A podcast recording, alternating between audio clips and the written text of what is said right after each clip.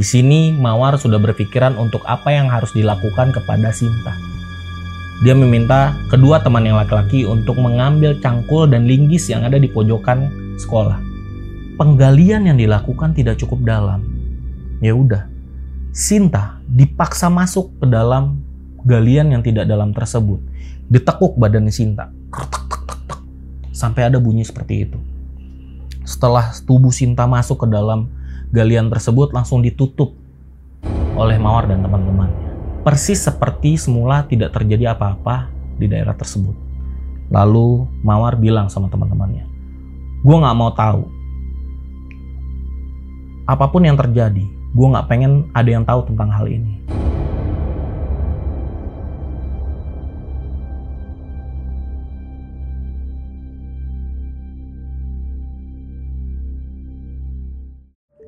Assalamualaikum warahmatullahi wabarakatuh. Kembali lagi bersama gue Rudi Lufthansa di Kaluna.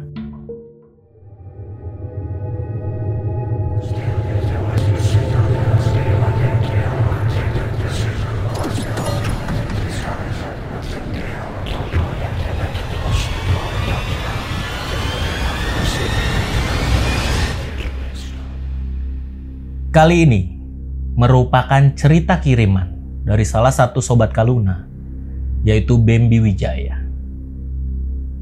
Cerita ini dimulai pada tahun 2005. Saat itu Bambi baru masuk di bangku SMA. Murid kelas 1 di SMA itu belum penjurusan. Nah, mereka itu masih mengambil semua pelajaran.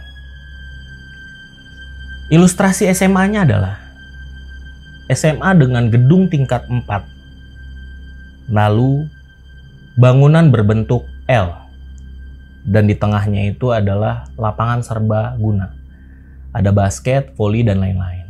Singkat cerita, pada saat Bambi di mata pelajaran biologi, perlu diketahui sebelumnya di sini adalah Bambi bukan orang yang gemar dengan pelajaran tersebut.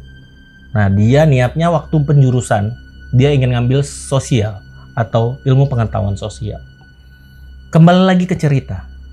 Saat itu Bambi sedang belajar pelajaran biologi. Nah, pelajaran biologi ini harus dilakukan di lab biologi. Di sekolah tersebut ada beberapa lab, seperti lab fisika dan biologi salah satunya. Nah, lab biologi ini berada di lantai dua pada gedung SMA tersebut. Di jalur yang searah menuju lab biologi, tepatnya di ujung jalan, yaitu ruang tusuk sate. Jadi posisinya ini lab biologi. Ini koridor. Jalan lurus ke depan, ini tusuk sate dan di situ ada salah satu gudang. Tempat penyimpanan barang-barang untuk lab biologi dan lab fisika. Nah, pada saat itu Bambi dan teman-temannya belajar di lab biologi. Tiba-tiba terdengar suara yaitu di luar lab biologi tersebut. Suara yang didengar Bambi adalah seperti ini. Truk, truk, truk. Kira-kira seperti itu. Dan dia mencari asal suara tersebut. Dia celingak-celinguk kiri kanan, kiri kanan. Nah, gelagat Bambi ini ternyata dilihat oleh guru biologi tersebut. Dan Bambi secara tidak langsung juga memandang guru biologi. Dan Bambi di sini berpikir seakan-akan guru tersebut mendengar suara yang didengar oleh Bambi.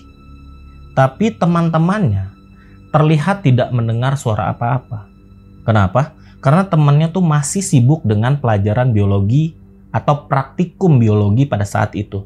Melihat hal itu, guru Bambi menegur Bambi. Dia bilang kayak gini. Bambi fokus pada pelajaranmu. Di situ Bambi kaget. Ya udah. Bambi langsung fokus pada pelajarannya. Nah, temannya di sebelah yaitu Ria bertanya, "Bem, lu kenapa?" Bambi bilang sama Ria, "Nggak tahu gue dengar suara di luar, tapi gue nggak tahu itu di mana." Loh, suaranya kayak gimana, Bem? Suaranya. Kayak suara gesekan gitu deh, kata Bambi ke Ria. Ah udahlah, gue nggak dengar apa-apa kok, kata Ria. Ya udah. Lalu Bambi melanjutkan pelajarannya. Kemudian saat asik belajar, tiba-tiba Bambi mendengar kembali suara tersebut. Cuman suaranya lebih lama dari yang sebelumnya. Pas dia lagi belajar, tiba-tiba dia dengar suara truk, truk, truk, truk, truk. Sontak Bambi kaget. Pas dia lihat lagi, itu suara ke arah luar. Ya udah, dia pun melihat ke arah guru tersebut. Gurunya juga ngelihat Bambi nih.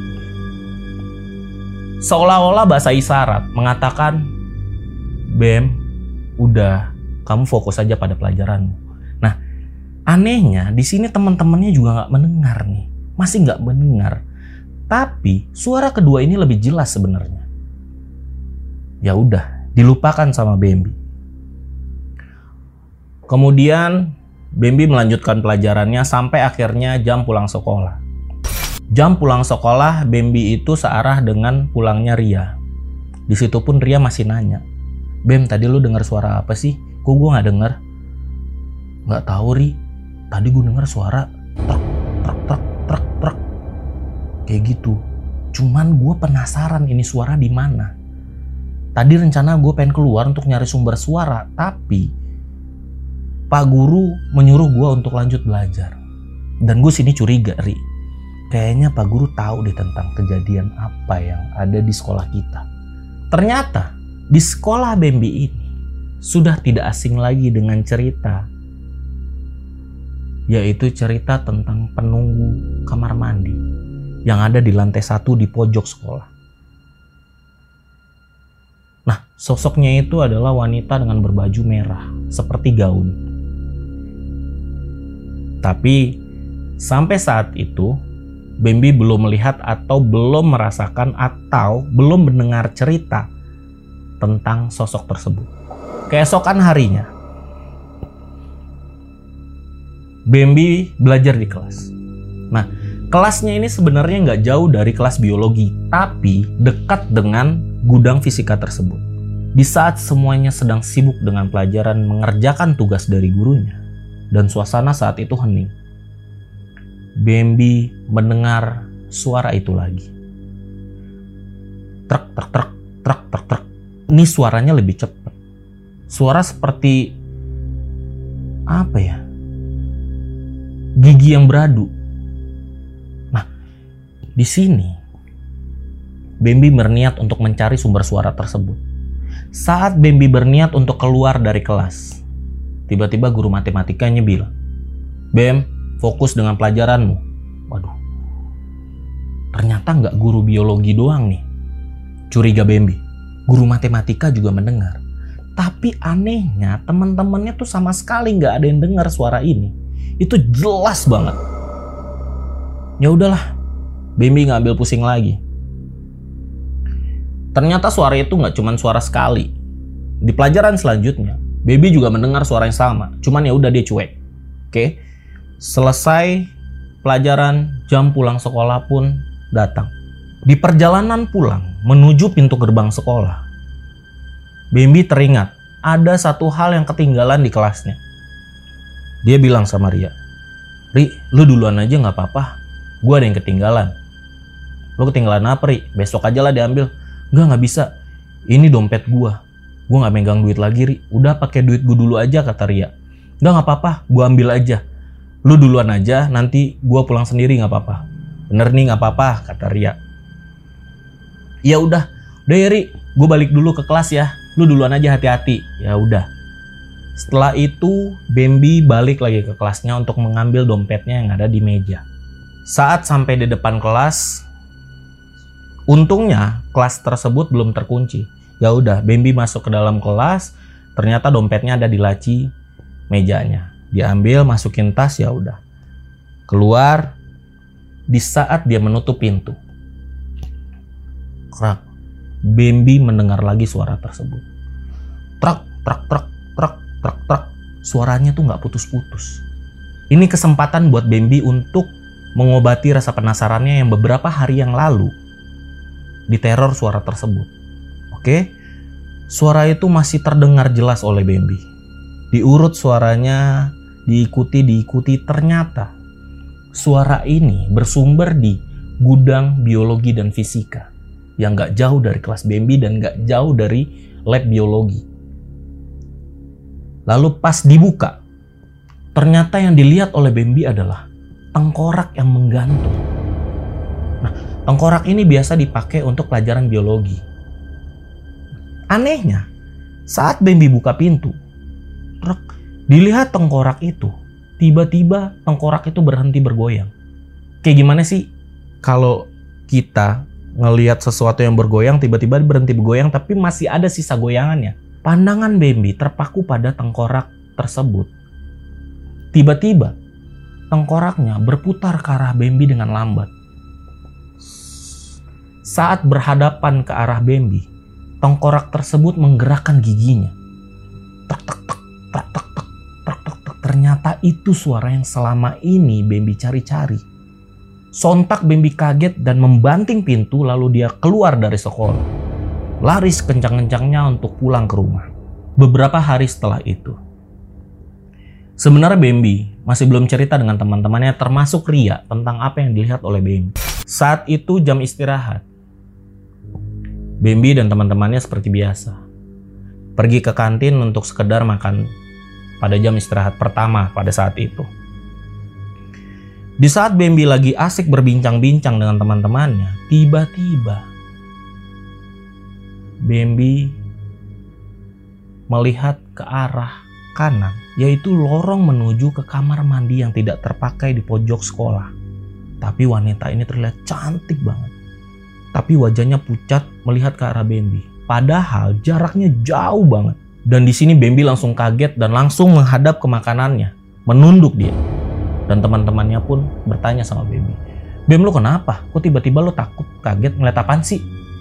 Gak apa-apa, di saat dia sedang asik bercerita dengan teman-temannya dan sambil menyantap hidangan yang dia beli di kantin pada saat itu, dia teringat lagi dengan sosok yang dilihat di ujung dekat kamar mandi yang tidak terpakai tersebut.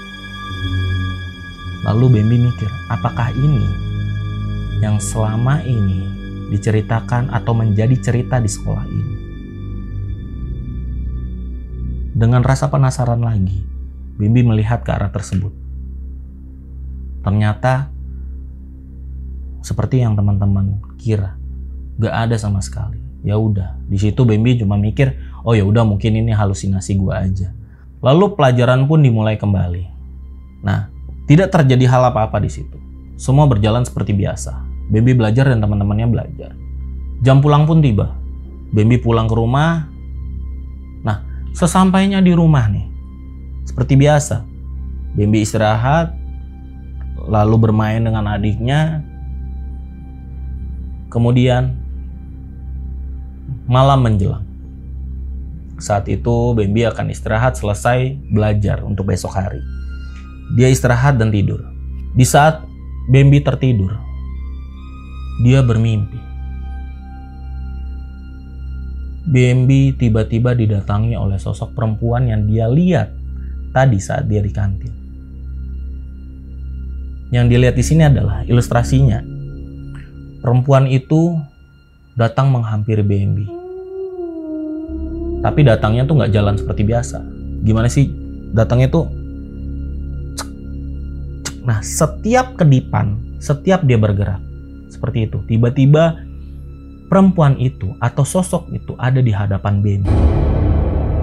Yang Bambi bingungkan adalah perempuan ini memandang ke arah Bambi dengan muka yang sedih. Sontak di situ Bambi langsung takut.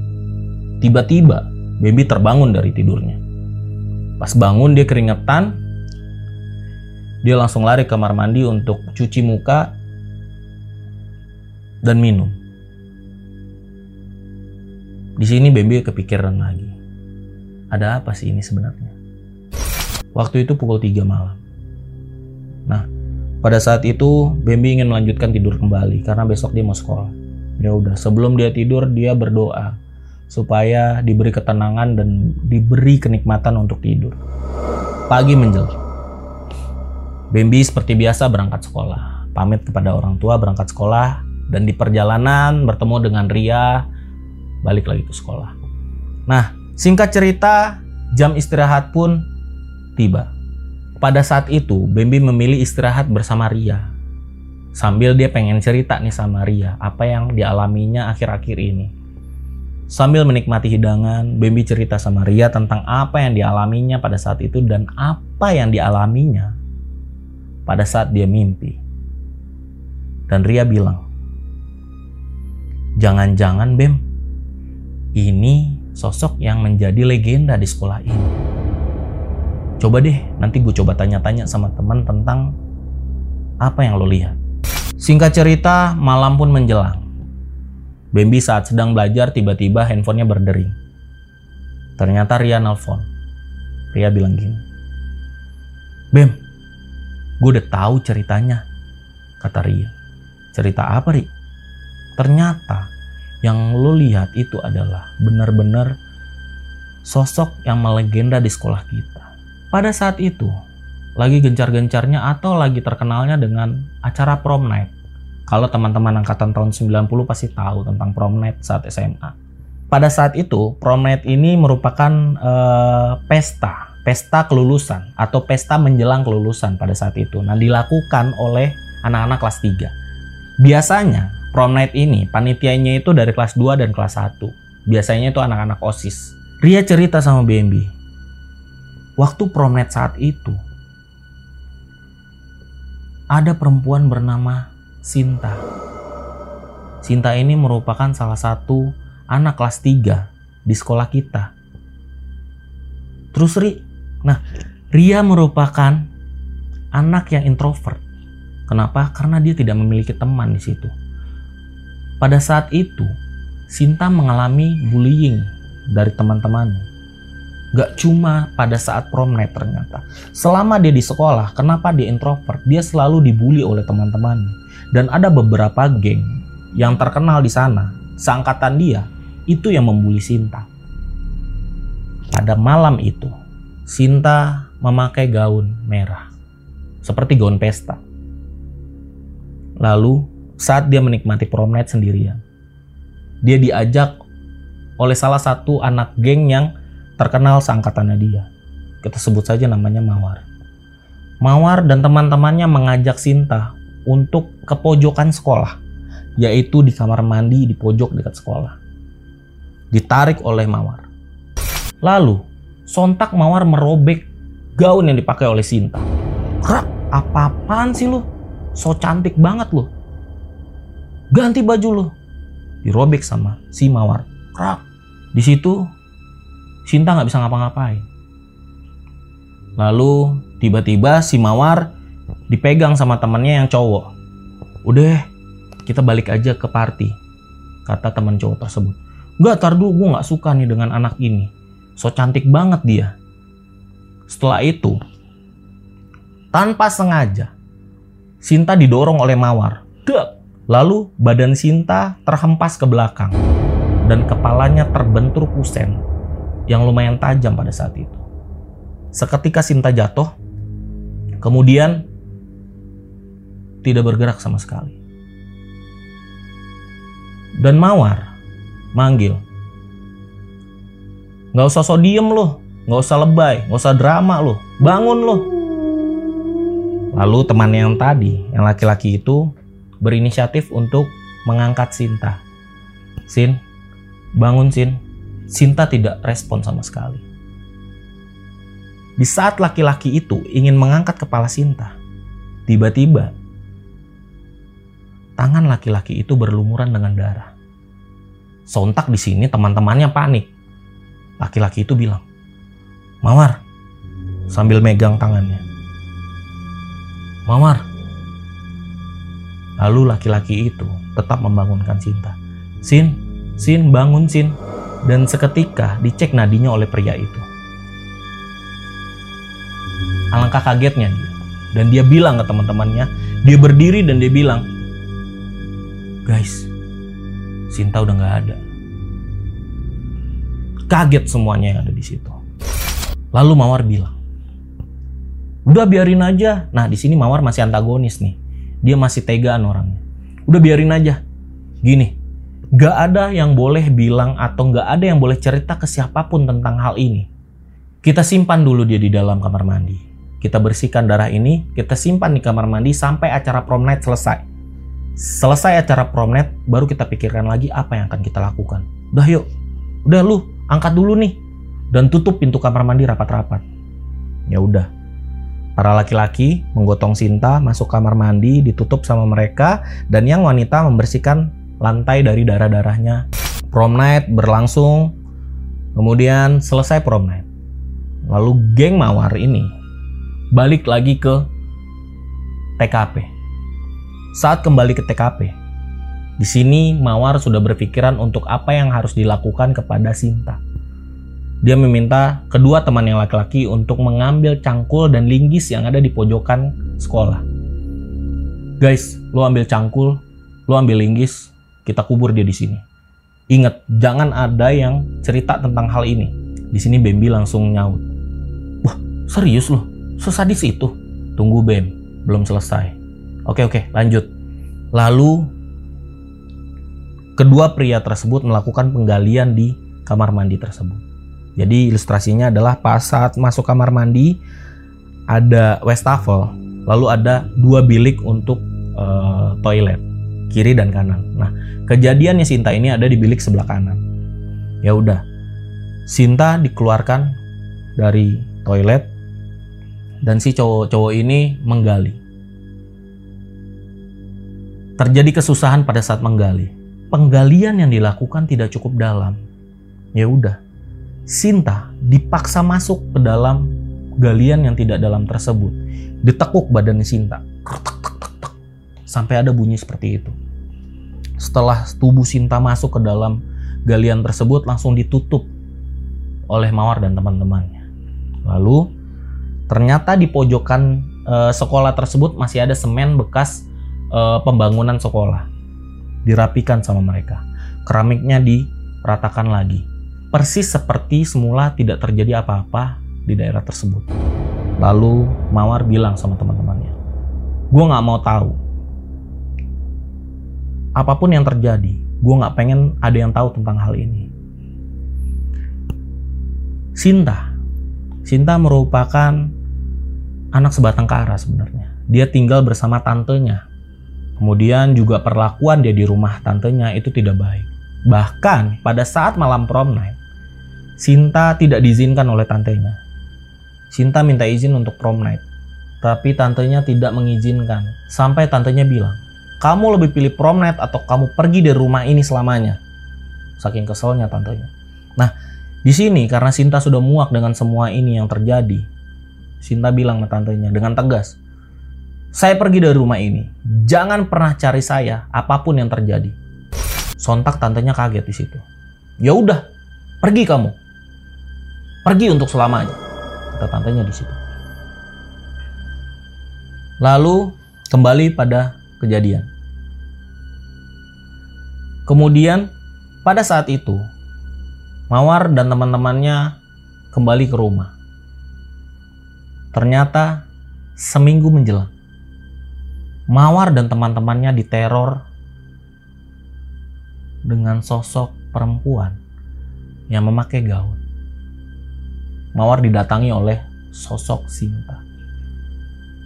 Saat cuci muka di wastafel, pas Mawar sedang menghadap ke kaca, tiba-tiba dia melihat sosok Sinta yang lagi melotot ke arah Mawar. Seketika, di situ Mawar teriak sekencang-kencangnya dan pingsan. Lalu pagi menjelang, Mawar terbangun di tempat tidurnya dan ditanya oleh orang tuanya, "Kamu kenapa?" Lalu Mawar menceritakan apa yang dialami.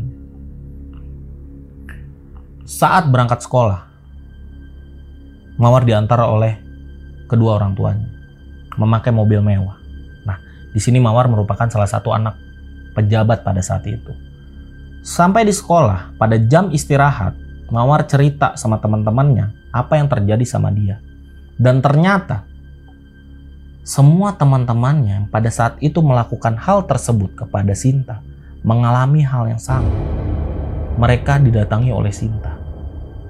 Terus, apalagi yang terjadi? Kata Bambi kepada Ria. Nah, setelah itu gue gak tahu tentang apa yang terjadi pada saat itu. Yang gue tahu informasi seperti itu aja, Bem. Wah, sadis banget ya. Terus yang toilet itu gimana sekarang? Toilet itu sampai sekarang dikunci dan diberikan teralis atau pintu dari besi dan ditutup rapat-rapat. Singkat cerita, Bambi ada di kelas 2. Pada saat kelas 2, Bambi berniat ingin masuk OSIS. Ya udah, dia daftar OSIS dan akhirnya dia masuk ke dalam kepengurusan OSIS tersebut. Saat dia menjadi salah satu pengurus di organisasi intrasekolah saat itu. BMB dan teman-temannya kebagian untuk menjadi panitia prom night. Di sini, seluruh panitia itu kelas 2 dan kelas 1. Nah, keesokan harinya ingin prom night, para panitia diwajibkan untuk mengurus semuanya sehari sebelumnya, seperti mendirikan panggung, set dekorasi dan lain sebagainya, merancang acara. Tapi panitia dari kelas 3 itu hanya sebagai penanggung jawab. Ya udah. Singkat cerita, Bambi dan rekan-rekannya semua panitia OSIS mengurus acara promnet pada saat itu. Dan di sini mereka mengurus sampai malam hari. Pada malam hari, karena Bambi rumahnya cukup jauh dari sekolah dan beberapa temannya juga memiliki rumah yang cukup jauh dari sekolah. Bambi dan teman-temannya berniat dan memutuskan untuk mereka nginap aja di sekolah, sekalian ngejaga dekorasi panggung dan lain sebagainya. Kira-kira ada yang kurang mungkin bisa ditambahkan. Saat Bambi dan teman-temannya sedang istirahat atau bercengkrama di panggung. Ulang. Saat Bambi dan teman-temannya, yaitu Ari, Rido, dan Rian, sedang bercengkrama di panggung. Bambi bilang sama si Ari, Ri, temenin gue yuk, bikin kopi. Kita ke pojokan sana, di pantry, kita bikin kopi di sana. Mungkin lo juga mau bikin mie kali. Ayo Ri, ya udah. Bambi dan Ari pergi ke pantry meninggalkan kedua temannya. Sesampainya di pantry, Ari ingin ke toilet untuk buang air kecil. Dia bilang sama Bambi, Ri, tolong bikinin air panas dulu dong. Gue ke toilet, gue kebelet lu jangan lama-lama, gue sendirian nih. Saat Ari lagi bikin air panas, tiba-tiba dia melihat di ujung matanya sebelah kanan ada penampakan sosok perempuan bergaun merah. Lalu sontak dia langsung melihat ke arah tersebut. Apa yang terjadi? Tidak ada apa-apa. Ya udah. Dia langsung ke toilet dan bilang sama Ari, "Ri, buruan, Jangan lama-lama. Iya, bentar lagi, kata Ari gitu. Ada apa sih? Gak apa-apa, yuk temenin gue di pantry. Hmm, gue curiga nih. Lo ngeliat apa? Kata Ari gitu. Ah udah, gak apa-apa. Ya udah. Setelah itu, kopi pun dibikin sama si Ari dan BMB. Saat mereka berdua sedang jalan menuju panggung, tiba-tiba Bambi dan Ari, mereka berdua melihat sosok yang sama di ujung koridor. Tiba-tiba, mereka berdua, Ari dan Bambi, secara bersamaan melihat sosok perempuan di ujung koridor. Sontak, mereka berdua lihat-lihatan nih. Tanpa pikir panjang mereka lari ke panggung. Mereka berdua hendak lari. Kopi yang mereka pegang itu terlempar oleh mereka. Lari mereka ke panggung dan cerita kepada kedua temannya. Lalu diketawain deh sama salah satu temannya itu ah cemen loh ya udah sini gue yang bikin deh di sini keanehan pun terjadi lagi saat mereka berempat ingin ke pantry untuk ulang untuk bikin kopi tiba-tiba dia melihat di koridor sosok perempuan itu lagi. Sontak keempat-empatnya teriak langsung lari ke ruangan osis. Dem! Didobrak ruang osis sama dia. Dan ternyata di ruang OSIS masih ada teman-teman yang lain, ada lima orang saat itu. Kalian kenapa sih? Kayak orang ketakutan? Istirahat semuanya karena semua persiapan udah selesai kita istirahat supaya besok kita pagi bisa segar untuk mengurus pra prom night saat itu. Ya udah, ketua OSIS meminta untuk semua anggotanya istirahat. Lalu saat itu, Bambi emang udah capek banget. Nah, Bambi memutuskan untuk tidur. Tak lama terlelap, Bambi bermimpi kembali. Nah, mimpi ini persis seperti adegan yang diceritakan oleh Ria pada saat ditelepon. Ria menjelaskan tentang kejadian Sinta. Setelah kejadian yang dilihatkan oleh Sinta pada mimpi itu, lalu tiba-tiba Bambi berdiri di depan toilet. Kemudian dia lihat sebelah kanan ada sosok Sinta yang menunduk dan menunjuk ke arah bilik kamar mandi tempat dia dikubur. Dan Sinta bilang, "Tolong saya." Di sini tiba-tiba Bambi terbangun dan kaget tentang apa yang dialaminya di mimpi. Lama Bambi termenung di sini. Lalu dia berpikir, mungkin ini pesan dari Sinta yang disampaikan lewat dia. Setelah semua teman-temannya pada bangun, Bambi meminta teman-temannya untuk ngumpul. Pada waktu itu habis subuh. Lalu dia bercerita kepada teman-temannya tentang apa yang dialaminya di mimpi. Nah, di sini teman-temannya sudah mengetahui tentang sosok Sinta. Lalu hal ini dilaporkan kepada pihak sekolah. Nah, Bambi langsung ketemu dengan pihak kepala sekolah dan di sini Bambi meminta izin kepada kepala sekolah untuk membongkar toilet tersebut. Lalu, karena kepala sekolah sudah mengetahui cerita ini menjadi legenda di sekolahnya dan itu sudah menghantui siswanya selama ini, kepala sekolah mengizinkan dan dibantu oleh para uh, guru untuk membongkar toilet tersebut. Pihak sekolah menutupi hal ini. Lalu jasad dari Sinta diangkat dan dikuburkan dengan layak. Nah, sebelum gue melanjutkan, di sini gue minta sama teman-teman semua untuk kita sama-sama mengirimkan Al-Fatihah kepada Sinta. Kita mulai. Bismillahirrahmanirrahim. Alhamdulillahirrahmanirrahim Alhamdulillahirrahmanirrahim Iya kena budi wa iya nasta'in Siratul mustaqim ladzina Semoga Sinta husnul khotimah. Baik. Kita lanjut ke cerita. Kemudian jenazah Sinta dimakamkan secara normal. Setelah itu acara prom night berlangsung pada malam hari. Bambi dan teman-temannya seperti biasa melayani kakak kelasnya pada saat itu. Setelah selesai prom night, Bambi dan teman-temannya pulang ke rumah.